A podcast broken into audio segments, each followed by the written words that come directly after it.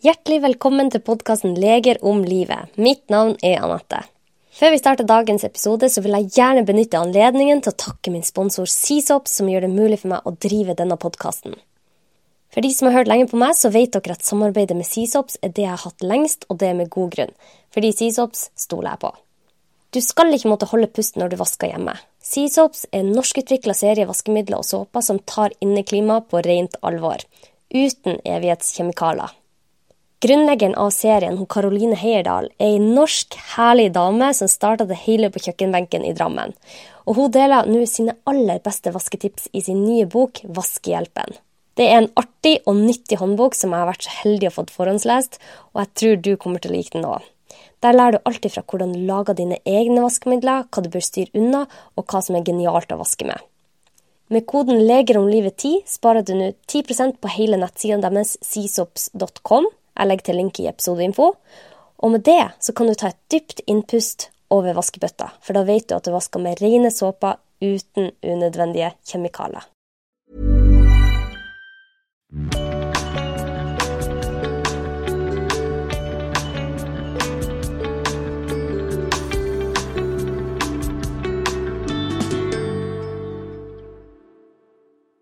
Hjertelig velkommen til podkasten Leger om livet. Mitt navn er Anette Dragland, og jeg jobber som lege. Jeg har laga denne podkasten for å gjøre nyttig og spennende og god kunnskap om kropp, helse og sinn lett tilgjengelig for oss alle. I dag så har jeg en gjest som har kommet helt fra Hisøy. Ja. Er det Hisøy? Ja, det stemmer. hun heter Hege Svenningsen, og hun er utdanna lege. Hun har jobba på Hisøy legesenter i 14 år. Og hun Hege hun er veldig engasjert i temaet pust og hvordan pusten påvirker oss, og har undervist om dette i mange år, bl.a. med to kurs per uke med Medioga de siste ni årene på legekontoret med kollega Veslemøy Hipe. Hun har også tatt ulike dybdekurs i pust, og har i stadig økende grad tatt i bruk dette verktøyet i eget liv. Og som en del av behandlinga for sine pasienter, fordi at hun ser hvor stor effekt det har. Hun Hege har også tatt tre år i enhetsterapistudio hos han Audun Misha, legen. Og ja, det er ingen tvil om at hun Hege er veldig engasjert i å brenne for temaet pust. Hjertelig velkommen, Hege. Tusen takk, Anette. Det er så hyggelig å være her. Hva, hva, er det som har gjort at du har blitt så engasjert i pust? Altså, Jeg ser at pustet går igjen i alt du gjør. Ja. Nei, jeg tror det er en litt sånn lengre prosess.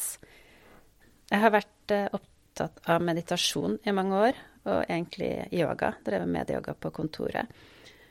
Og begynte etter hvert å lure på For pust er en sånn samlende, sterk ingrediens i begge deler. Så jeg begynte å lure på om man kunne bruke pust i seg selv som et verktøy. For det kunne jo være lettere å implementere i hverdagen. Det er jo noe vi alle har. Noe vi gjør hele tiden. Ja. Og lettere å implementere som et verktøy hos pasienter. Så det var litt utgangspunktet til at jeg begynte å lure på om det i seg selv kunne brukes. Så jeg meldte meg på et pustekurs hos en som het Anette Aasland, som hadde en ukes pustekurs i Italia, på et kloster. Ganske behagelig. Ja. Først kanskje sånn fem år siden. Ja, så at det var jo et veldig sånn tilgjengelig verktøy. Så, så også på jobb at det fungerte kjempebra i forhold til panikkangst, blant annet. Og samme år så starta jeg på enhetsterapistudiet hos eh, Audun Misja.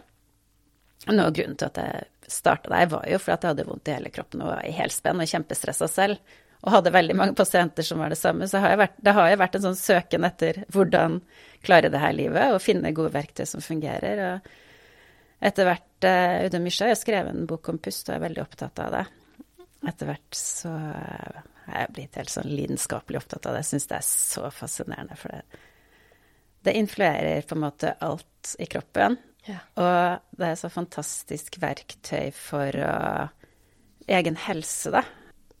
Hele egen kropp. Og også komme i kontakt med seg selv som en bivirkning. Mm. Så veldig spennende verktøy som etter hvert som jeg virkelig har jo mer jeg lærte, så var det plutselig som jeg fikk en sånn femte vegg inn på kontoret. Sånn at det så plutselig at ting jeg ikke hadde hatt en forklaringsmekanisme for før, og heller ikke noen verktøy til å hjelpe til det, plutselig hadde et helt annet repertoar å jobbe ut fra. For at det er noe du kan gi pasientene dine, de verktøyene. Alle har pusten. Mm. Men jeg, jeg, jeg syns selv at det er fascinerende å se hvor mye pusten kan påvirke en. Både på godt og på vondt. Og vi skal gå litt inn på hvordan vi puster nå, og hva eh, vi kan eh, gjøre for å bruke dette verktøyet. Men før vi går inn der, eh, Hege, så må jeg spørre deg, hva er egentlig pusten? Kan du ta oss gjennom et pust? Jeg kan ta oss gjennom et pust. Så hvis du ser på definisjonen av pust, så er det jo egentlig bare at man puster inspirasjon, puster inn, og ekspirasjon, puster ut. Det er det som sto. Jeg måtte bare slå opp i dag med definisjonen. Men eh, en annen definisjon, det er liksom hvor du ser det fra. Jeg skal ta oss gjennom en full pust etterpå. Jeg bare så en sånn veldig fascinerende skisse av pust i første kapittel i en sånn yogaanatomibok som jeg nå så i. Den sier at uh, pust fører til formforandring. At ved når man puster inn, så drar man egentlig ikke pusten inn, man endrer formen på, bukhulen, nei, på brysthulen. Ja. Ved at diafragma, den store pustemuskelen, de musklene de trekker seg sammen sånn at diafragma trekkes ned. Og de musklene som er mellom ribbeina, de vider ut brystkassa, sånn at rommet i brysthulen forandres og blir større. Ja. Og når rommet i brysthulen blir større, så blir trykket, lufttrykket i brysthulen lavere. Og da, pga. høyere trykk i atmosfæren rundt, så vil trykk, eh, luften bare komme inn av seg selv. Så vi drar ikke inn luft, vi bare endrer form på brysthulen. Øker brysthulen. Og så kommer luften inn som, på grunn av den formforandringen, da. Og samtidig som brysthulen forandrer seg, så må også bukhulen forandre seg. Det er også et stort sånn hule mage-tarm, sant. Den ligger rett under diafragma, den store kuppelen. Så når diafragma går ned, så endres også hele formen på bukhulen sånn at magen går ut eller dit den får plass. Mm. Så den definisjonen så, så den på denne her formforandringen som et kontinuerlig samspill, da, hvor han beskrev brysthulen. Du kunne sammenligne med et trekkspill, sant. Så man dro ut, og så dro man luft inn. Mm. Og så dro man, pusha man sammen, så gikk luften ut. Og at bukhulen kunne man se på som en sånn fylt ballong med vann. Så når den ble pressa, så fant den bare en annen form. Ja. Mm. Og på, på, den måten så vil man jo også, hvis man spiser mye, så kan man kjenne at man kan bli litt tungpusten, sant. Så man går veldig opp i vekt, og trykket fra bukhulen blir større. Så går det også utover bryst, over pusten. Mm. Hvis man holder magen, så går det utover pusten.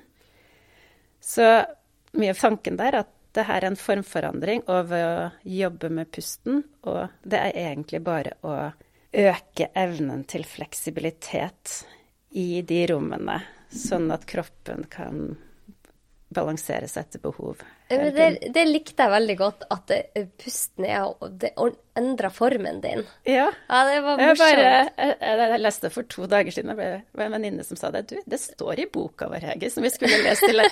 Vi tok Ashtanga yoga-lærerutdanningen sammen, ja. men vi hadde tydeligvis ikke lest om den der yoga-anatomiboka. For ja. hele første kapitlet var om pust, for det var hele hele, ut fra den boka så var hele måte, tanken bak yoga det å gi, gi, rom for en fleksibel pust.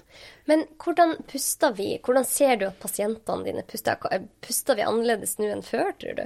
Ja, det gjør vi, og det ser jeg også. Vi, ved stress eller traumer eller ting som får oss inn i følelsen av fare, så ja. puster vi fortere. Mm. Ofte høyere. Litt sånn høyere stemme. Når man er veldig stressa, sånn, så kan man kjenne at man skuldrene hever seg. Ja. Blir litt foroverbøyd, akkurat som man blir egentlig hvis man skal flykte. Ja, det blir litt mm. mer overfladisk? Litt mer overfladisk, og mer bruk av øvre musklene. Mm. Man kan godt høre det på stemmen òg, stemmen blir fort litt høyere mm. mm når man er stressa. Man puster mer, større volum, og bruker musklene annerledes. Jeg leste også et sted, jeg tror det var i Breath, boka til James Nestor, at eh, nå når vi før, så hadde man jo ikke laptop. Når man tar opp eh, laptopen, da, så har de fått et nytt begrep som heter e-mail-apnea. Ja. Du slår opp e-mailen, så ser du at 'å, herregud, her var det mange mail'. Så slutter du å puste i noen sekunder, og så puster du veldig fort og stressende. Du forteller jo kroppen at 'oi, dette er farlig'. Disse e-mailene er farlige. Her er det en tiger som kommer til å komme ut av den dataen. Ubevisst. Vi gjør det ubevisst. Og det har gjort at jeg har begynt å prøve Jeg prøver å huske på at når jeg tar opp laptopen, så tar jeg et dypt trekk bare for å fortelle kroppen min at det ikke er farlig. Ja. ja, men det er det. Det er veldig fascinerende hvor, hvor masse som trigger oss, da. For det, vi har jo veldig mye rundt oss som er laga for å trigge oss også. Mm. TV-serier, eh, skjermen, alt på mobilen er jo laga for å fange vår oppmerksomhet og trigge oss. Og når vi er trigga, så puster vi også fortere. Mm. Og da puster vi fort for mye. Og hva, hvorfor er det galt? Det er galt. Jeg kan forklare litt mer i detalj etterpå. Det er galt litt av to grunner. Fordi vi ofte sier, endrer litt holdning. Sant? Vi endrer form, rett og slett. Ja. Så når vi endrer holdning, og vi får litt sånn fremoverlute skuldre og høye skuldre, og så synker litt sammen i brystet, så, så endrer vi holdning, og det endrer muligheten for å kunne puste fritt. Ja. Mm. Og vi puster, når vi puster for mye, for store volum, så karbondioksid det er jo den gassen som vi puster Som er avfalls, på en måte, produktet fra eh, celleånding, hvor cellene lager energi. Og det har vi jo sett på som sånn avfall, at vi bare skal bli kvitt det, men det er jo en helt enormt viktig regulator for all kjemien i kroppen. Så når, og det er en veldig lett diffunderbar gass, vil si at den, med en gang den gassen er i kontakt med den gassen vi, i blodomløpet, er i kontakt med lungevev, med luft, Ja. så diffunderer den over. Ja. Sånn at hvis vi puster for store volum, vil si at det er for mye av den luften i lungene som er i kontakt med en blodåre, mer enn vi har, har behov for, Ja. så mister vi karbondioksid. ja. Og det er negativt for hele indre kjemien, rett og slett. Både for syrebaseregulering og for vår evne til å ta opp oksygen i vevet. Det, er, det er litt komplisert, men Det- utrolig spennende når man forstår det. Så det du sier, er at kan vi puster inn O2, oksygen. Mm. Det kommer inn i lungene, og så på en måte bytter det plass med CO2. Ja. Kan vi si det så enkelt? Ja, det kan I. I lungene. Men når vi puster for fort, Mm. tar for mange trekk, så blir det veldig stor Det blir mye O2, kanskje for mye O2, og så eh, blir du kvitt kanskje for mye CO2, Mm. karbondioksid, eh, som gjør at du får rett og slett en endring i Det kan være pH-balanse i blodet, du får en endring i kjemien Mm. i blodet. Det veldig, veldig enkelt forklart, da. Som gjør noe med oss. Mm. Jeg syns det er kjempespennende. Men jeg husker jeg hadde han eh, Håvard Løseth, Ørenes halslegen, inne. Og han fortalte hvor viktig det var å puste med nesen. Eh, Har du sett at det har noe å si? Du, jeg er veldig opptatt av det. Men vi kan jo gå igjennom egentlig en pust, da. Ja, hvor ja. du går inn, eh, litt for å vise hvorfor man skal puste med nesen også. Fordi hvis man ser bare på et bilde, nå har jo ikke dere noe skjerm eller bilde, men hvis man hvis et, ser på et bilde av, av øvre luftveiene, da, så kan man se at nesen er et veldig høyt utvikla organ, egentlig. Det er et sånn høyspesialisert organ som bare det første luften møter, det er jo det er på en måte den første døra fra ytre verden og inn til våre skjøre luftveier, sant. Mm. Mye av det nesens funksjon er, det er å sørge for at den luften som kommer ned i de skjørere strukturene nedover i luftveiene, er renest mulig. Så nesen har jo flimmerår, og den har slim, og den har veldig mye blodårer, som gjør at den er god blodforsyning, som gjør at den renser og hydrerer og tempererer luften som kommer gjennom nesa. I tillegg så er den jo relativt liten i forhold til de her enorme lungene våre som luften skal fordeles inn i. Og det kan man jo se hvis man ser en strøm, sant? hvis man er ute på sjøen f.eks., og det kommer et smalt sund, så går jo farten opp på vannet. Ja. Mm. Og det at nesa er smal, det gjør jo at det er økt motstand. Så respirasjonsmuskelen, diafragma og de andre respirasjonsmusklene, må bruke litt ekstra kraft på å dra luften gjennom nesa i forhold til munnen, som har mindre motstand. Okay. Og det, vil, det gjør også at luften får en litt større kraft inn, og den går forbi det er noen hulrom som heter bioler, hvor det dannes nitrogenoksid. Nitrogenoksid er en superspennende gass som har, har ca. 2000 arbeidsområder i kroppen. Oi. Men den, ja, den influerer i veldig mange ting. og den lages i veldig mange steder i kroppen, men 60 hvis man puster gjennom nesen, så er 60% av det som blir laget, det lages i biolene. Så det, biolene er en sånn veldig stor Oi. tilbyder av nitrogenoksid. Wow. Og det som er viktig i forhold til pust, da, nå, eh, det er at den nitrogenoksiden bidrar til at slimhinnen, muskulaturen i luftrøret, den relakseres, den slapper av, så luftrørene blir vide. Og blodårene vier seg også ut, så det, du får en ble, bedre blodsirkulasjon i vevet. Sånn at det, i tillegg til at nitrogenoksid hindrer deling av bakterier og virus. Så det er superviktig for at luftveiene skal være friske og åpne. Jeg bare tenker, Det du sier her, Hege, er jo helt vanvittig. Altså hvor utrolig viktig det er å puste med nesen.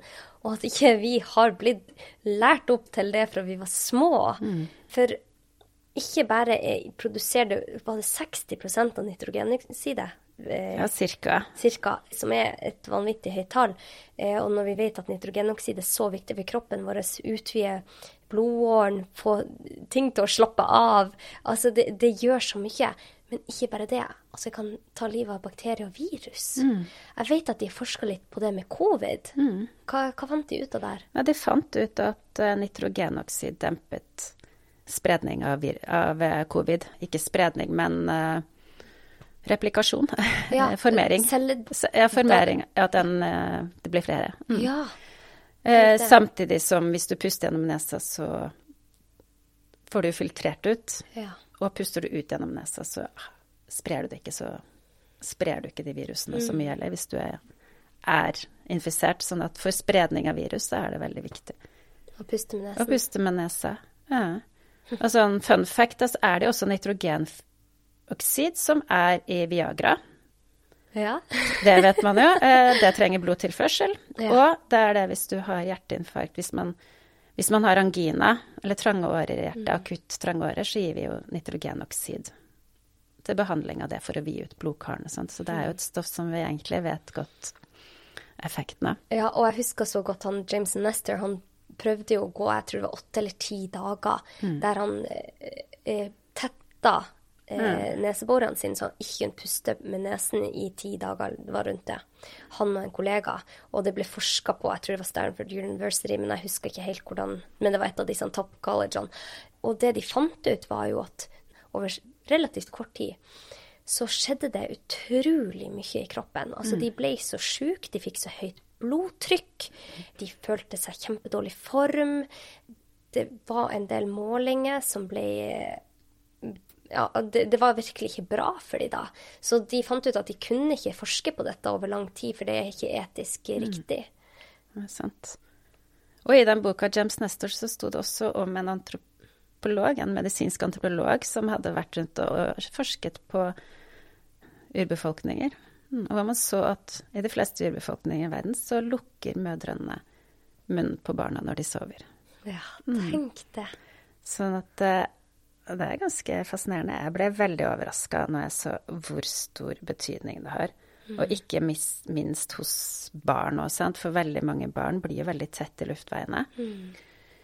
Så blir det sånn dårlig sirkel, fordi eh, når man puster gjennom munnen, så kommer jo all, all luften rett inn med eh, alle virus, bakterier, alle irritanter, alle og alt, og irriterer luftveiene.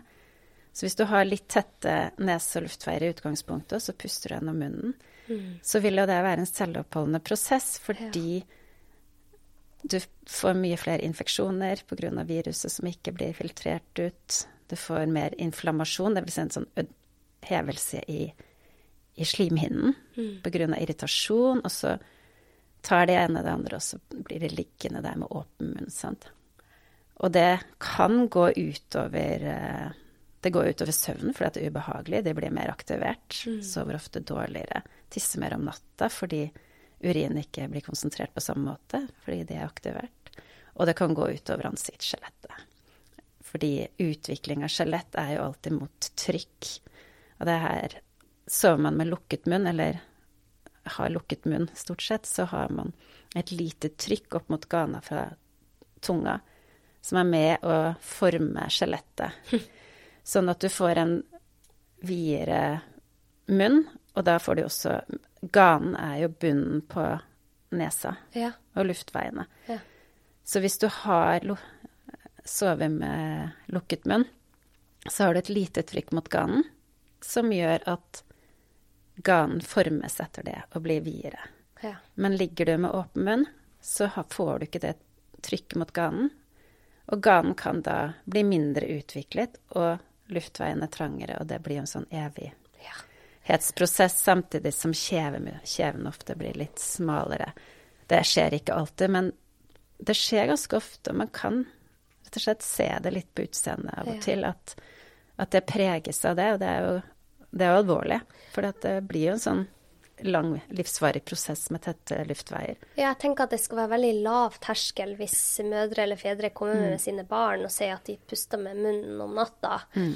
eller at de merker at de snorker eller har eh, pusta mye, mye med munnen og sliter med å puste med nesen, at det skal være lav terskel å sende dem til ørens mm. halslege. fordi at det er så viktig for deres utvikling, som du sier. Ja, helt klart, og der vet jeg. Der har jeg synda. Jeg har ikke visst om det. Jeg har ikke mm. visst at det var sånn. Ja. Men det vet vi nå, nå vet ikke vi sant? det. Ja, og takk og lov for forskning. Jeg elsker forskning. ja, det er Åh, men så man kan øke produksjonen av nitrogenoksid ja. ved å puste rett og slett med nesen? Gjennom nesen. Og da går jo lufta videre, sant, ned i luftrøret. Og som luftrøret deler seg da i to, mm. i bronker, og så går det opp i flere igjen, bronkioler. Så da dannes det her fine luk lungenettverket, sant, som til slutt ender i noe vi kaller alveoler, som er sånn små, sarte luftbobler som er omsluttet av blodårer. Ja. Tynne blodårer. Og det er dit Vi ønsker jo å få fjerna alt mulig støv av bakterier og virus før vi kommer ned dit. For der er det jo virkelig skjøre strukturer. Hm. Mm. Så vi, vi, vil jo heller ha en neseforkjølelse enn en lungebetennelse. Ja. Og helt, alt er jo egentlig hvor plukkes disse virusene og bakteriene opp hen. Ja. Så når vi kommer ut i de der fine alveolene som gjør at vi har en kjempeoverflate for gassutveksling sant? Jeg tror det er 78-80 kvadratmeter lungeflate vi egentlig har. Det er stort. Oi. På grunn av at vi har de her alveolene som lager en stor overflate. Så disse tynne strukturene ligger omsluttet av kapillærer, som det heter de minste blodårene. Ja. Og så får de inn oksygenfattig blod som har vært i kroppen, som kommer opp fra kroppen, hvor det er lite oksygen. Det kommer lite oksygen fra blodet ut til disse blærene i alveolene? Ja, det blodet som kommer fra kroppen, mm. har lite oksygen. Mm. Og den lufta som er i alveolene, har masse oksygen, så da vil oksygen diffundere over ja. til blodet. Og karbondioksid fra blodet, som det er masse av i blodet, vil diffundere over i lufta. Og når oksygenet diffunderer over i blodet, så mm. trenger det kan ikke bare sveve rundt i blodet av seg selv, det trenger en transportør, og det er et molekyl som heter hemoglobin. Ja.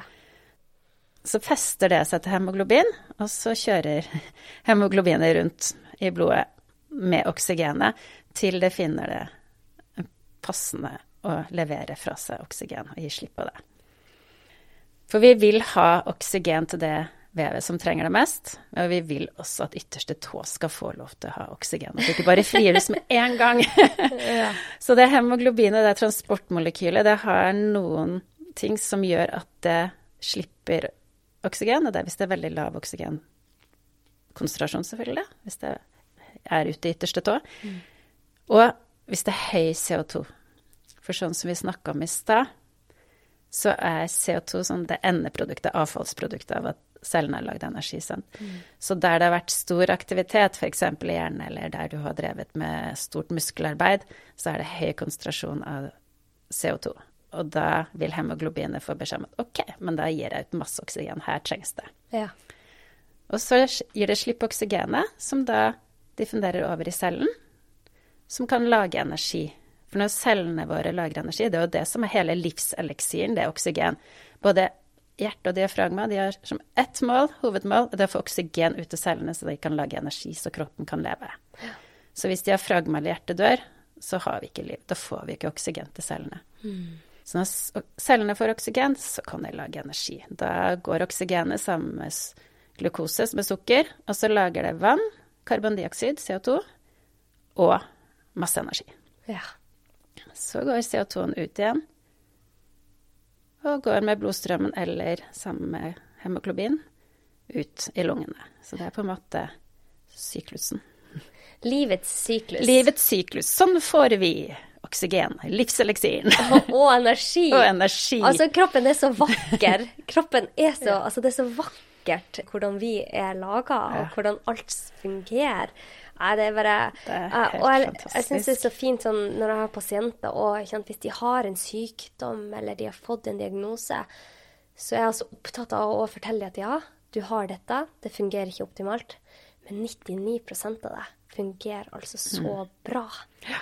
Du må tenke på det. Ja. Sånn, at man ikke tenker at selv om man har én ting, så virker ikke kroppen. For det meste i kroppen din er fantastisk skrudd sammen. Det er det. Så er det ofte LNT å finne den der forskjellen mellom OK, så har du fått en sykdom, og hva med dens bilde er gitt at du må ha videre, og hva er ekstra, hva kan du gjøre noe med? Ja. For stort sett så kan man gjøre noe med masse, sant? Og veldig mange av de pasientene som jeg har hatt på kontoret, som litt av grunnen også til at jeg ble veldig interessert i pust, det at jeg syns det var mange pasienter, og meg inkludert, for jeg var så stressa, som gikk inn og hadde mye vondt i musklene, sant? Sliten, lite energi, litt sånn hodetåke. Mange får sure oppstøt, mye indre uro. Alle disse her tingene som bare så ut som de baller på seg. Mm. Og så er tenkte jeg etter hvert når jeg begynte å lære om pust, men pustens, liksom fysiologien pusten kan jo gi svar på alt det her. Så egentlig så tenker jeg at veldig mange av disse symptomene som baller på seg fordi man har vondt eller har fått ja. Et traume eller vært i mye stress, det kan være bare at man har kommet inn i dårlige mønstre. Så ved å snu f.eks. dårlige, uheldige pustemønstre, så kan man også komme ut av en del av de tingene andre tingene som baller på seg. Ja. For, for eksempel hvis vi tenker på den, hvordan kroppen lager energi, da. Hvis vi puster altfor mye, sånn som vi snakka om i stad, for store volum, så kvitter kroppen seg med for mye karbondioksid. Og konsentrasjonen i vevet og i blodet av karbondioksid går ned. Ja. Så det vil si at siden hemoglobinet frigjør oksygen der hvor det er mest konsentrasjon av karbondioksid. Så når konsentrasjonen av karbondioksid går ned, så frigjør også hemoglobinet mindre oksygen, oksygen til mm. For hemoglobinet bryr seg ikke så veldig mye om den får gitt fra seg oksygen. Den kan gå hele runden fulladet. Ja. Hvis ikke den får beskjed om å gi fra seg oksygen. Så hvis vi har mindre karbondioksid i vevet, så får også vevet mindre oksygen. Og når den da likevel må lage energi, så må den gå inn på en reserveløsning, sant? det vi kaller anarob forbrenning. Forbrenning uten oksygen. Og når den skal lage energi uten oksygen, så den, bryter den ned glukose til melkesyre. Hmm. Og litt energi. Okay. Og det endrer jo situasjonen. Det er det som skjer sånn når vi får melkesyre hvis vi trener veldig hardt. Ja, ja. Så har den gått inn i en reserveløsning, men med en gang etterpå så skal vi jo restituere. Og så ligger vi og slapper og puster og slapper og kommer til hektene igjen. Og da får cellene oksygen igjen, og så får den brytt ned den melkesyren og får ut karbondioksid og vann og energi igjen. Ja, og det er jo derfor at det er så tungt for kroppen å trene med melkesyre. Det er derfor han Ja. Ingebrigtsen, de Ingebrigtsen-guttene har vært så veldig opptatt av å ikke trene og få melkesyre. Ja, det har det. Det tar Ja. så lang tid for kroppen å Det restituere. er det. Og hvis du driver og, og puster for mye uten å trene, uten å restituere, sant? men det er hverdagen at du ligger for, har for lite karbondioksid i vevet og får for lite oksygen ut, så får du økt melkesyre som du ikke blir kvitt, og du får lite energi. Dette er veldig spennende. De driver og forsker på melkesyre og ME. Ja. Ikke sant? Eh, hvordan det spiller inn. For at det ser ut som noen ja, At det er en viss andel av de med ME som har for mye melkesyre. Det er kjempespennende, dette i hvert fall. Det er et felt som kommer til å forskes mye mer på. Men det er veldig, veldig artig å høre hvordan dette samspillet fungerer i kroppen. Jeg få si hvis det. Jeg har, jeg har ikke visst om den forskningen på ME, men det stemmer jo helt med sånn jeg tenker virkeligheten. Jeg tok, jeg tok og malte alle pasientene. Jeg har et sånn kapnograf, heter det. Det er et sånn instrument som måler hvor mye karbondioksid du puster ut av, Ja, og nesen. ut av nesen. Så har du sånn nesebrille, sant? Ja. Så jeg målte 124 pasienter på det, av mine pasienter, over to måneder med det, for å se hvor mange av de som egentlig hyperventilerte, pustet for mye volum, sånn som vi snakket om i stad, sant? For det er jo et direkte mål. Har du for lav, lavt da skal du ligge på rundt 4,7 kilo Pascal, heter det. Det spiller ikke så stor rolle. Ja. Men ligger du under det, så med, ligger under du det med hva? med nivået av karbondioksid Ja, så er du Så driver du per definisjon og puster for mye. OK. Mm. Og jeg så, jeg tror det var 60% av mine pasienter som gjorde det. Som pusta for uh, Som pusta for mye, som hadde for lav CO2 i luften de pustet ut. Oi. Og det var kjempe Først så trodde jeg det var bare tull. Og jeg òg var altfor lav. For jeg også driver og hyperventilerer når jeg er på jobb, hvis ikke jeg konsentrerer meg veldig. Ja. Jeg hadde 61 av de jeg undersøkte, de hadde mildt til moderat for lavt karbondioksid i utpusten. Det er mye, altså. Og så hadde jeg et sånt spørreskjema som heter Niemann Questioner, som er validert i forhold til dysfunksjonell pust. Og 34% av mine pasienter hadde både for lav CO2 i eh, utpust Ja. og positiv på den scoringen. da. Så det er som en tredel av pasientene, og det er veldig interessant. Men det som var like interessant, var at de som er Og jeg kjenner, kjenner det ganske godt, så visste at disse her hadde et eller annet i sin historie med stress, smerter, en del av de symptomene. Og de som ikke hadde noe utslag, de hadde heller ingen symptomer. De hadde ikke noe historie på det, ingenting. De kom for på grunn av at de hadde skadet et kne, et eller annet, bare tilfeldig andre ting. Så det samsvarte på en måte helt med sykehistorien, så det er ganske interessant. Er ganske høye tall. Jeg tror ikke det er så høyt til alle, for jeg har mye damer og mange på min alder. Ja. Så jeg tror ikke det er sånn Og det er jo et utvalg som kommer på kontoret pga. plager. ja, ja, men Men det er et høyt antall. Det var utrolig spennende at du har forska på det. Men du har jo holdt mye pustekurs. Mm, ja. Har du hjulpet mennesker som sliter med pusten, og hva, hva har du sett? Jeg, jeg ser jo at det hjelper, og jeg ser jo at hvis man jeg ser, jeg ser hos en del av de som har en del av de symptomene som baller på seg, og som er kanskje 30-40 år og føler seg skikkelig syke, og så har jeg sendt dem til masse undersøkelser og ser at det er jo ikke noe annet som er grunnen. Og jeg forklarer de mekanismen bak pust, og hva, hvordan det kan gi alle de symptomene, så ser jeg at det er en sånn gjenkjenne at bare Ja, men da er det ikke så farlig. For det er ikke sykt, det er inne i et dårlig mønster. Og det er noe helt annet. Ja. Og da går det an å begynne å gjøre noe. Og ser at de som virkelig går inn for det For det her er jo en prosess som kroppen har gått inn i, sant? Over tid. Så det tar tid, og du må på en måte ha litt stamina og bruke tid. Og gjøre øvelser og ha fokus på det for å få snudd det. For alle sånne kroppslige vaner, det er kjempevanskelig å snu. Det vet vi jo. Men bruker man tid, de som går inn og har brukt tid og gjort øvelser, hatt fokus på det, der ser jeg at veldig mange av de symptomene de snur seg. Det hjelper på ryggsmertene, det hjelper på de sure oppstøtene. Det hjelper på magetarm, blir ikke så oppløst lenger, magen fungerer bedre. Hjelper på hodepine og den indre uroen som veldig mange sliter med. Så jeg ser at det fungerer. Hvordan kan du forklare det? Hvordan kan man forklare at det har så stor effekt på så mange ting?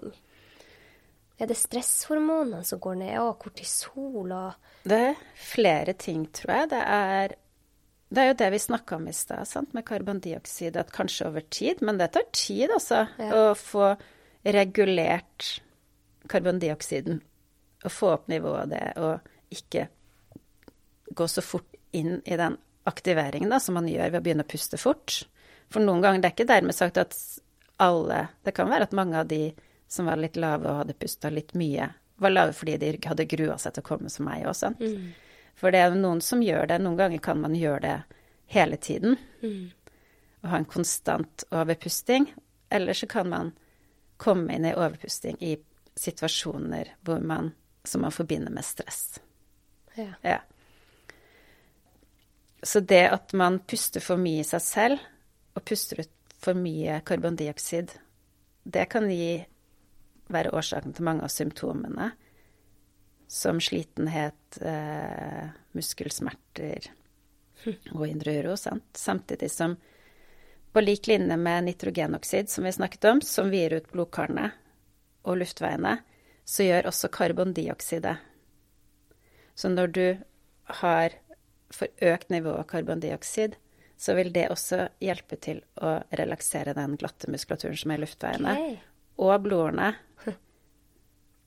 Mens på samme måte som når du da har pustet ut for mye karbondioksid, og nivået er for lavt, så kan man få en vasokonstriksjon, som det heter, at blodårene trekker seg sammen. Man blir kald, sant? Hvis man, man, blir fort kald på hender og føtter hvis man er stressa. Mm. Det er fordi at blodårene trekker seg sammen. Mm. Man kan få litt sånn hjernetåke. Det kan også være fordi at blodårene trekker seg sammen til hodet. Mm. Fordi man puster for mye. Ja, så det henger så sammen. Og samtidig så er det hvordan man bruker musklene, sant. Det er litt det vi eh, begynte med, at vi bruker musklene på en helt annen måte hvis vi er stressa. Vi får en annen holdning fort. Sant? Vi får litt det der fremoverskutte skuldrene. Mm.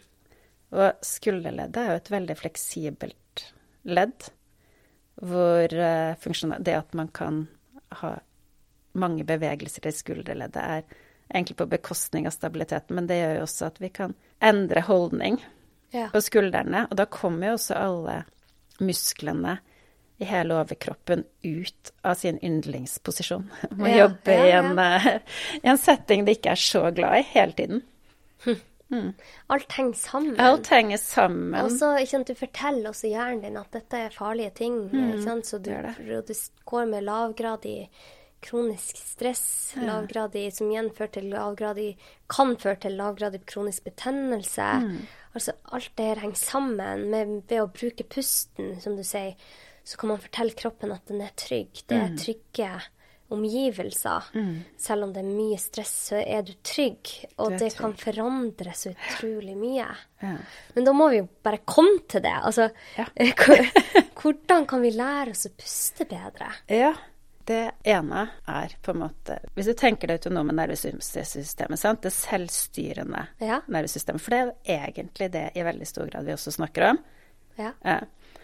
Hvis man ser på det autonome nervesystemet, dvs. Si alt det i kroppen som styrer seg selv, som hjerterate, puls, alle stresshormoner, magetarm, eh, konsentrasjon av urin, alt det der som bare skjer. Det er det vi kaller det autonome nervesystemet. Selvstyrte nervesystemet. Mm. Og i den autonome nervesystemet så har man på en måte to vektorer, tenker jeg. Du kan se for deg en sånn gammel huske, jeg vet ikke om så mange husker de lenger. Dumpehuske. Dumpehuske, hvor du har liksom to grener som står ut. Ja. Og kan tenke seg at det ene er sympatiske nervesystemet, det er fight and flight. Kort sagt, men det, det er mer enn det. det alt det som skjer når vi er aktivert. Ja. Det er det som gjør at vi kan ha skikkelig fokus når det er noe vi virkelig har lyst til å jobbe med. Og det er det som gjør at du kan spurte av gårde, og at hvis det virkelig gjelder, så kan du noen løfte en bil. Sant? For det virker superkjapt. Det aktiveres på sekundet eller under sekundet med stresshormoner adrenalin, noradrenalin, kortisol, alle de tingene. Og du får virkelig brukt det. Det er kjempebra. Fin ressurs. Ja, ja. Men det aktiveres jo også når du ser på skrekkfilm, når du sitter og scroller på dataen, og ting som aktiverer Alle de tingene som aktiverer deg. Så selv om du sitter og slapper av i stolen din, hvis du er aktivert, så er du allikevel i sympatikus. Mm. Og så har du den andre vektoren, som er parasympaticus. Arrest and digest. Det er her vi lader, skjønt. Her føler vi oss trygge. Det er der vi har uh, kreativitet. Vi fordøyer både mat og opplevelser. Vi konsentrerer urin, lager spytt, alle disse tingene. Og vi må, for å fungere over tid, så må vi ha en balanse mellom ro, ordentlig lading, sant, på parasympaticus, og aktivering. For hvis ikke så er det akkurat som de her vektorarmene bare kryper inn og står og slurer på midten. Du får virke, du, man får liksom verken ut power og styrke, og man får heller ikke roet seg. Mm. Fordi hvis man bruker mer enn man egentlig klarer å lade over tid, så går man i minus, og det går alltid utover helsa på et eller annet vis. Og veldig mange av disse symptomene som vi driver og demper i veldig stor grad med medisiner, syns jeg, da, det er jo egentlig bare kroppens måte å si frem at her er vi. Vi er på feil kurs. Ja. Mm. Så det som er interessant med pust her, da, at pust er den eneste av de autonome, de selvstyrte funksjonene, sant? Som skjer ubevisst, men som vi også kan styre bevisst utenom blinking. Nei, blunking heter det. de to funksjonene er de eneste av de selvstyrte funksjonene som vi også kan styre bevisst. Oi. Og derfor så kan jo vi bevisst endre vår pust for å endre hvordan vi har den inni oss. Vi kan bruke pusten vår til å si fra til kroppen at vi er trygge. Vi kan bruke pusten vår til å lade bedre. Til å roe ned hjerteraten, til å roe ned stresshormonene, til å, si, til å gi kroppen beskjed om at vi er trygge, og når vi klarer å gi kroppen beskjed om at vi er trygge, så tror også hjernen på det. Så vi kan bruke hjernen til å styre pusten vår, så pusten vår kan fortelle hjernen at den er trygg. Hmm. På et vis. For den Og så er det jo mange andre ting vi kan gjøre, sant? For hele den parasympaticus, den er jo dempet av en nerve som heter vagusnerven. Det er jo en fantastisk nerve, det har sikkert tatt om det veldig mange ganger før her. Men vi kan ikke få sagt det ofte for ofte, kan vi det? Nei, den vagusnerven. den, den er fantastisk. Ja, den er det. Og det er sånn Det er sånn Det er litt rart når man har tatt den utdanningen vi har, og sånn, så plutselig så man først skjønner hvor viktig vagusnerven er. Bare hæ? Og at man kan trene den opp, ja, nesten som en muskel. Ja. Få den mer skrudd på. Ja. Og hvor stor effekt det kan ha på hvordan vi har det. Ja, det er veldig Jeg tror min vagusnerve når jeg gikk på medisinstudiet, var altså så liten som den gikk an til å være før den visna helt hen. Altså jeg hadde veldig lite kontakt med den. Mm. Og nå tar det meg veldig kort tid å kunne gå tilbake og liksom komme i kontakt med vagusnerven igjen. Ja. Eh, så det, det, kan trenes opp. Jeg er et levende eksempel. ja, det kan det. og det er så fint. Og den kan man liksom For vagusnerven, da. Den, den henter, liksom, den henter informasjon fra hele kroppen, fra hoftene liksom, og hele veien opp. Hvordan har du det? Den går, det heter det er en hjernenerve som heter vandreren, vagusvandreren, på en måte. Fordi den vandrer rundt i hele overkroppen og samler informasjon. Ja. ja hvordan er det her? Tar temperaturen, liksom. temperaturen. Hvordan, hvordan, hvordan, er det her? Har vi det fint? Har vi det fint? Ja. Altså hvis det virker som det er bra, da, at du puster rolig, sant, Bruker diafragma, avslappet skuldrene tilbake, åpen bryst, så alle de tegner på at man har det bra og ikke egentlig faktisk flykter fra en løve. Så merker han det, og så bare sender han masse signaler opp og bare Hei, alt er fint, alt er fint. Du kan bare roe hjertet, roe, roe alle stresshormoner, fordøy. Alt er bra, sant, for da sender han ut masse signaler at her er alt fint. Og på den måten, ved å lære vagusnervene, å kjenne det, så kan man liksom stimulere når man, både ved holdningen og synge og nynne og danse og alle de tingene som gjør at vagusnerven tenker at hm, hun synger. Det er ikke farlig nå. Ja, kroppen har det bra. Ja, og kroppen har det bra. vagusnerven går så nært inntil stemmebåndet. Ja. Så når vi snakker rolig eller synger, så vibreres Ja. vibrerer det der, og det gjør oss mer rolig. Og det er det jeg ser på barna mine. Ja. Når de er fornøyd, så synger de og nynner. Og da tenker jeg å, nå har de det bra, og nå er deres vagusnerve i kontakt. Og så er det masse sånn vagusnerve i ørene. Så hvis du ser, på små barn når de skal roe seg, så sitter de gjerne og tar seg til ørene da. Å, Ja, ja, for der kan det også stimulere vagusnerven. Veldig, ja, veldig vittig. Så du kan sitte. Føler deg veldig urolig, så kan du ta deg litt i øret massere litt. så roer du det. Ja. Men hvordan kommer man mer i kontakt med vagusnerven, da? Nei, en av de tingene du kan gjøre med pust, det er jo det å puste rolig med bruk av diafragma, den store kuppelformede muskelen. sant? Den, den muskelen, hvordan den beveger seg, det sender jo beskjed. sant? Den, er, den, den deler jo Den ligger jo midt mellom hele bukhulen og brysthulen. Og hvordan den beveger seg, sender jo bevegelse i hele systemet. Mm. Og det merker vagusnerven. Så hvis ved Man har sett flere forsøk på at ved rolig diafragmatisk Rolig pust, lav pust, så styrker det diafragma. Og det demper demper hele systemet. Man kan bare se Hvis man man kan puste rolig ut hvis man ser på et EKG, f.eks., sånn som vi tar på kontoret for å sjekke hjertet. Så ser man at hver gang man puster inn, så går hjerteraten opp. Og hver gang man puster ut, så går hjerteraten ned. Og det er også sånn som vi kan bruke sant, til å roe hele systemet og stimulere vagusnerven ved å bare puste rolig ut. Mm. Det i seg selv roer hele systemet. Så man har sett at sånn f.eks. noe som heter kaller lettelsens pust. Det er jo det vi gjør, sant. Hvis du er ferdig med noe, så bare åh, Det er en sånn veldig kroppslig respons på at faren er over. Mm. Mm. Også når vi Hvis man driver og gråter seg bort, så blir det sånn Ja. Da er faren over. Så det er en som heter Hubermann, som har en stor podkast på deres lab. Ja. Så, så jeg nå nylig. Så har de gjort forsøk på det. Da har de gått gjennom litt forskjellige sånn mindfulness-teknikker og tre forskjellige pusteteknikker. Og da har de funnet ut at det som funka best da, for, å for å skape balanse over tid, det var den her lettelsens sukk. Det at du ah, Så du bare tar og puster puster inn. inn litt, og så, Og så lengre utpust. Og så lang utpust. Ja. Ja. Det roer systemet. Det roer hele systemet. Og bare det å gjøre det et par-tre ganger, det roer. Hvis du da sitter der skikkelig stressa, så bare tenk at du puster inn. Et lite innpust til. Og så Puster langsomt ut. Og, og det ser man jo barn gjør. Det gjør. Automatisk for å roe seg ned hvis de gråter, f.eks., eller Ja. sånne ting.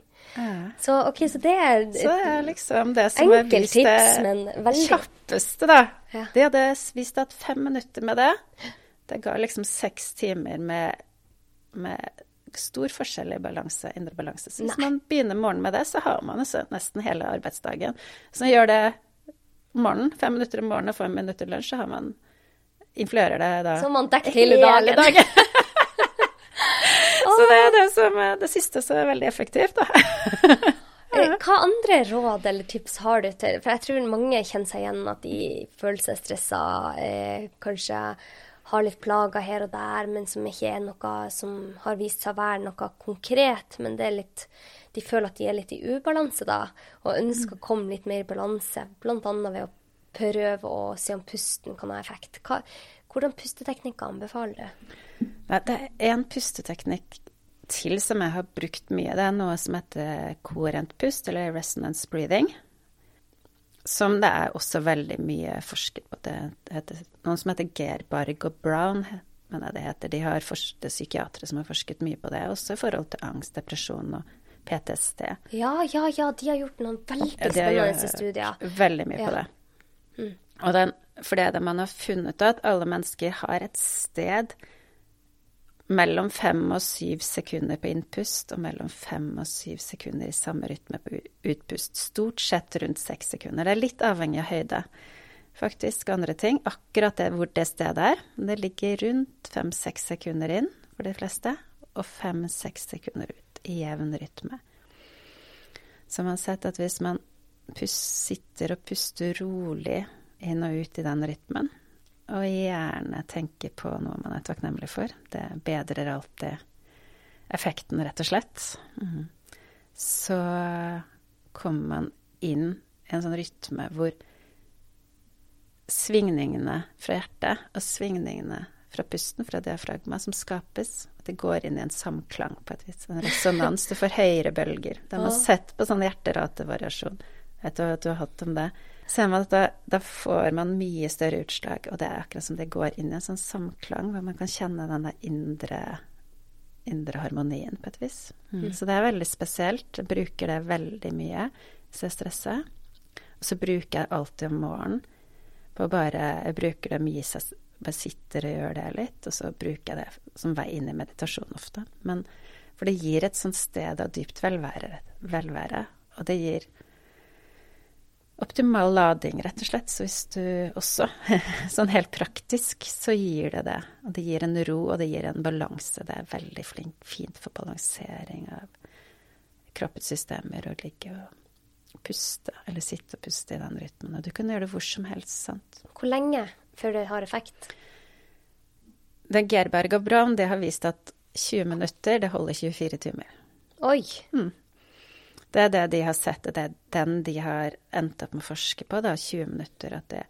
Og med 20 minutter av det daglig, så har de hatt sånn utrolig gode resultater på PTSD, som posttraumatisk stress disease. Mm. Angst og depresjon. Og de har brukt det i områder med, med katastrofer. Jeg tror annet de har hatt det inne på Haiti. og uh, Det brukte veldig mye på kriserammede, da. Mm. Mm. Og ser at det har en veldig, veldig helende effekt. Og det å komme tidlig inn og jobbe med det, det er også veldig bra i forhold til å ikke utvikle eh, skader etterpå. Mm. Men Så da skal man bare sitte i 20 minutter da, og prøve å mm. telle inn til 5-6, ut på 5-6. og Gjøre det i 20 minutter. Ja, det er ganske gjerne, lenge å gjøre det, da. Det er ganske lenge, men du kan dele det opp. Ja. Du kan ta ti minutter om morgenen og ti minutter kveld. Og så er det ganske deilig å gjøre det hvis det, det er lettere av og til hvis du ligger. Jeg syns jeg liker å sitte, men det er noe med at du må åpne brystet. Og hvis du er veldig spent i skuldrene, så kan det hjelpe å legge en liten sånn smal pute eller et sammenrullet håndkle eller noe sånt mellom skulderbladene, sånn at du får åpna, Opp åpna brystet når du ligger. Ok, Så man kan gjøre det mens man ligger, men man kan også gjøre det når man sitter? Ja. Man bare pass på å rulle skuldrene tilbake, sånn at du får åpna brystet, sant? og slipp ut magen. Og bare ligg. Og så kan du ligge det på Veldig fint å følge musikk. Hvis du går inn på Spotify, f.eks., så ligger det flere filer med coherent breathing eller resonance breathing. Hvordan skrives coherent breathing? K-o-h-o-r-e-n-t. Coherence. Eller det skrives også med C, vil jeg tro. Coherence. Okay. Mm, også, eller resonance. Breathing. Breathing. Så kan man følge det. For det, jeg bruker noe som yeah. heter Insight Timer. yeah. Som er veldig, veldig bra gratis. Yeah. Eh, som kan gi deg alt mulig av musikk, og mm. de har eh, sånne breathworks òg. Men hvis det er på Spotify, det er supert. Ja. De gjør det så tilgjengelig for oss. Du, mange av de jeg har prøvd å ta tiden på. Det ligger rundt der. De varierer litt, men det ligger der. Og du har jo en del også sånne timere. Du har en del apper, sånn som f.eks. den du har, eller Breath-app. Den er også gratis. Ja. Der kan du stille inn, sant. Så kan du også stille inn på hvor mange sekunder du vil ha inn og ut. F.eks. hvis du er kjempestressa og må roe, sant, så kan du stille inn på lengre utpust. Ja, nettopp. For å få den, dempa den. Og det ligger også litt på Vagus Breath, hvis du går inn på Spotify. Så er det også en spilleliste som ligger på Vagus Breath, og den har også ofte lengre utpust for å aktivere vagusnerven. Sånn at det er veldig avslappende å bare ligge der og høre på musikk og bare puste. Og så tenker jeg bare for en effekt det kan ha på mennesker. Sant? Man trenger jo ikke gjøre det i 20 minutter, men det er veldig motiverende når man vet at det kan ha effekt på din fysiologi, på kroppen din i 24 timer etterpå. Det, det syns jeg var veldig artig at du sa. Men også bare fem minutter, ikke sant? Ja. Eller ti minutter. At det kan ha mange, mange timers effekt på deg utover dagen. Det er veldig fint å ha disse tallene, for at jeg merker selv at man, man blir mer motivert til å ta det i mer bruk. Ja.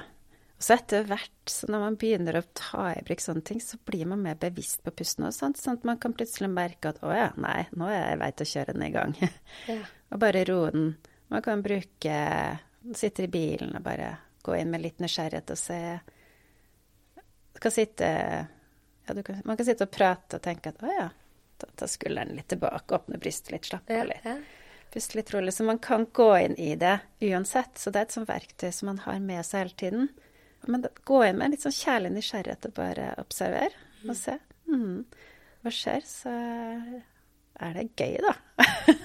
det er jo masse, masse morsomt. Og det er jo en hel verden der ute med masse kurs og greier på pust. Det er veldig mye gøy man kan gjøre med pusten, rett og slett. Du har jo selv kurs. Ja, ja, Hvor, selvkurs. hvor, kan man, hvor kan man eh, finne de kursene? Det kan du finne på Instagram og, eh, Instagram og hjemmeside som er på Dr. Svenningsen. Doktor Svenningsen. Mm. OK. Ja, for at du har jo jobba med dette i så mange år nå, og det, det å kunne få litt veiledning for mange, tror jeg mange setter pris på. Så det er veldig fint at du har. Men hva gjør du selv for egen eh, helse? Ved egen helse så prøver jeg å være bevisst på pusten og prøve bevisst beholdning. Jeg vet at det veldig fort faller sammen over kroppen, så jeg prøver liksom å rette meg opp, gjøre yoga. Det, yoga er jo egentlig, har jeg skjønt nå, bare øvelser for å gi plass for en fleksibel pust. Så jeg prøver å gjøre litt yoga, gå tur i skogen, ting som er rolig. Eh, fordi det er det jeg har trengt, fordi jeg har vært stressa. Det er å finne de tingene som roer meg, og holde litt den harmonien samtidig som ja, rett og slett prøve å holde Gjøre gode ting, da. Gjøre et litt sånn ting som jeg kjenner er bra for meg og de rundt meg. Er det stor forskjell på Hege Svenningsen i dag og deg for fem år siden? Ja, det, det vil jeg si. Hvis for fem år siden så bare samme hvor du tok borti min kropp, så gjorde det vondt. Jeg husker jeg prøvde å ta en Sønnen min hadde ønska seg en, å få massasje til jul. Han fikk massasje, og da fikk jeg også det. Og så lå jeg bare og gråt, for det var så vondt. Det samme hvor man tok på kroppen min, så var det så vondt. Og hele hodet mitt kjentes ut som en sånn blikktromme, husker jeg, når jeg dro til Og jeg tenkte jeg er egentlig ikke veldig glad i å kjøre bil. Så hadde jeg hørt om Audun Mysja før, så jeg tenkte jeg driter i, nå må jeg bare kjøre. Jeg har ingenting å tape. Jeg var sinna på alle. Så jeg bare husker denne følelsen nei, får jeg bare dra. Og så jeg husker jeg dro dit og begynte å Det trenger mer verktøy, jeg får det ikke til. Jeg visste at jeg visste at jeg måtte stå i jobb, sant. Man er jo selvstendig næringsdrivende som fastlege, så man har ikke mulighet til å gå ut. Så Nei, så da dro jeg opp til uh, Ski, hvor han var, og etter hvert Totenvika, hvor han var. og kjørte flere timer. Jeg var på kurs og kjente at det slapp litt og litt, og etter hvert som jeg har brukt en del av de teknikkene og veldig mye, jeg jobba veldig mye med pust, så jeg har ikke vondt et sted lenger. Og eh, hodet er ro... Jeg er bare egentlig ganske sånn fylt Jeg har så mye jeg har lyst til. fylt av inspirasjon. Det er veldig gøy. Det er bare mye gøyere å være, rett og slett. Jeg ser det jo på deg, du gløder, Hege. Det er veldig fint, altså. Det det, og det er veldig fascinerende å se hvor mye som kan gjøres. Mm. Og det er veldig Jeg har hatt vondt. Jeg hadde så mye Jeg hadde så vondt i leggene mine i mange år at jeg gikk med leggings, sånn ulleggings hele tiden. Jeg kunne gå på det verste. Så gikk, jeg sov med det om sommeren til og med, sånn ulleggings, vet du. Jeg hadde så vondt i leggene. Alltid. Og det er bare borte. Nå kan jeg ta på meg slalåmski eller slalåmsko uten at det gjør vondt, liksom. Det er veldig rart hvor mye man egentlig kan gjøre med kroppen bare ved å endre indre atferd, på et vis. Ja. Det tror jeg er veldig motiverende for mange å høre. For vi vet jo at det, det er veldig, veldig mange som sliter med plager. Ja. Mange plager man ikke vet helt hva kommer av. Eh, og mange har sykdommer og muskellidelser og leddlidelser som jeg tror de har kunnet fått det bedre ved å lære seg sånne teknikker. Selvfølgelig ikke pusten alt, man har jo kosthold og relasjon og alt, men pusten har mye å si for helsa vår, altså. Og jo mer jeg ser på forskninga, jo mer blir jeg fascinert av at det kan ha så mye å si. Det liksom blir en sånn positiv dominoeffekt. Starter man med pusten, så skjer mange andre ting naturlig av seg selv. Jeg er også blitt så overraska når jeg har sett det forskning og sånn, alt det virker inn på. Jeg ser jo at det er sant. Ja. Så er det noe med det der at når man har veldig mye plager, så blir man ofte sånn Veldig mye av dagene går bort til å gå inn og hente hjelp. Sant? Og det går til psykologen og prate, og gå til fysioterapeuten. Og så bruker man opp ekstremt mye penger og tid. Og legger ressursene ut til andre. Mm. Så er det noe med de eh, være så glad i de verktøyene man kan eie selv. Man tror, det koster ingenting. Man kan gjøre det hvor som helst, når som helst. Og det er eh, veldig solidarisk verktøy, spust. Ja. Likt for alle. ja, men det er veldig fint, for det er noe med å eie, eie verktøyet til å hele sin egen kropp. Det er litt magisk og kraftfullt. Tusen hjertelig takk for at du har tatt deg tid til å komme hit i dag, Hege. Det har vært veldig, veldig spennende å høre eh, på deg, og at vi får lov å lære av din kunnskap. Har du noe mer du ønsker å fortelle før vi eh, sier takk for i dag? Egentlig så følte jeg har fått sagt mye. Tusen takk for at jeg fikk komme, Anette. Så koselig å se deg. Veldig hyggelig å få ta en prat. Jeg har veldig mye på hjertet, men eh, vi har jo snakket om det meste nå. Men det er egentlig litt det der at det er det samme som kanskje Alltid tenkt at det er det samme som skjer i mikrokosmos som i makrokosmos, på et vis. At det er det samme som skjer i det lille som i det store. Og vi står i et sånt stort skifte nå. Ja. Og jeg tenker at ja, mitt bidrag er å prøve å se om det går an å få til litt sånn sunnere celler og kropper og mer Hvis vi slutter å overforbruke vår egen kropp i samme grad som vi gjør nå, så tror jeg også vi ikke overforbruker det alt det rundt oss så mye heller. Å, det syns jeg Så jeg tror det henger litt sammen, rett og slett. Mm. Ja, det, det er ikke tvil i. Det er jeg helt sikker på, at det, det henger sammen. Mm. Tusen hjertelig takk for at du tok deg tid. Du har kurs nå i oktober. Ja, Hvor kan man melde seg på? det har jeg. Da har jeg nettkurs med en eh, sånn breathworker i USA, Kathleen Booker. Det kan man melde seg på. Det ligger informasjon og linke på Dr. Svenningsen. Det er to timer, fire torsdager i oktober og én i januar. Total breath heter det. Så Veldig gøy. Det gleder jeg meg til. Mm. Det høres veldig spennende ut. Tusen takk igjen for at du tok deg tid. Tusen takk for at jeg fikk lov til å komme. Det var utrolig gøy å være her med deg. Fint å se deg. I like måte. Og hvis dere har noen spørsmål til Hege eller eh, meg, så vet dere at dere når oss på Instagram. Og hvis dere har noen spørsmål til episoden, så bare skriv under på episodeinfo på Facebook eller Instagram. Der ser jeg alle meldingene og skal prøve å svare alle. Og hvis du ønsker å abonnere og få bonusepisoder, så kan du gå inn på Spotify på Leger om livet pluss, eller på Apple, bare trykk abonner. Og med det så vil jeg bare takke for i dag. Tusen takk for at du tar deg tid til å lytte, og jeg ønsker deg en skikkelig fin dag. Ha det godt.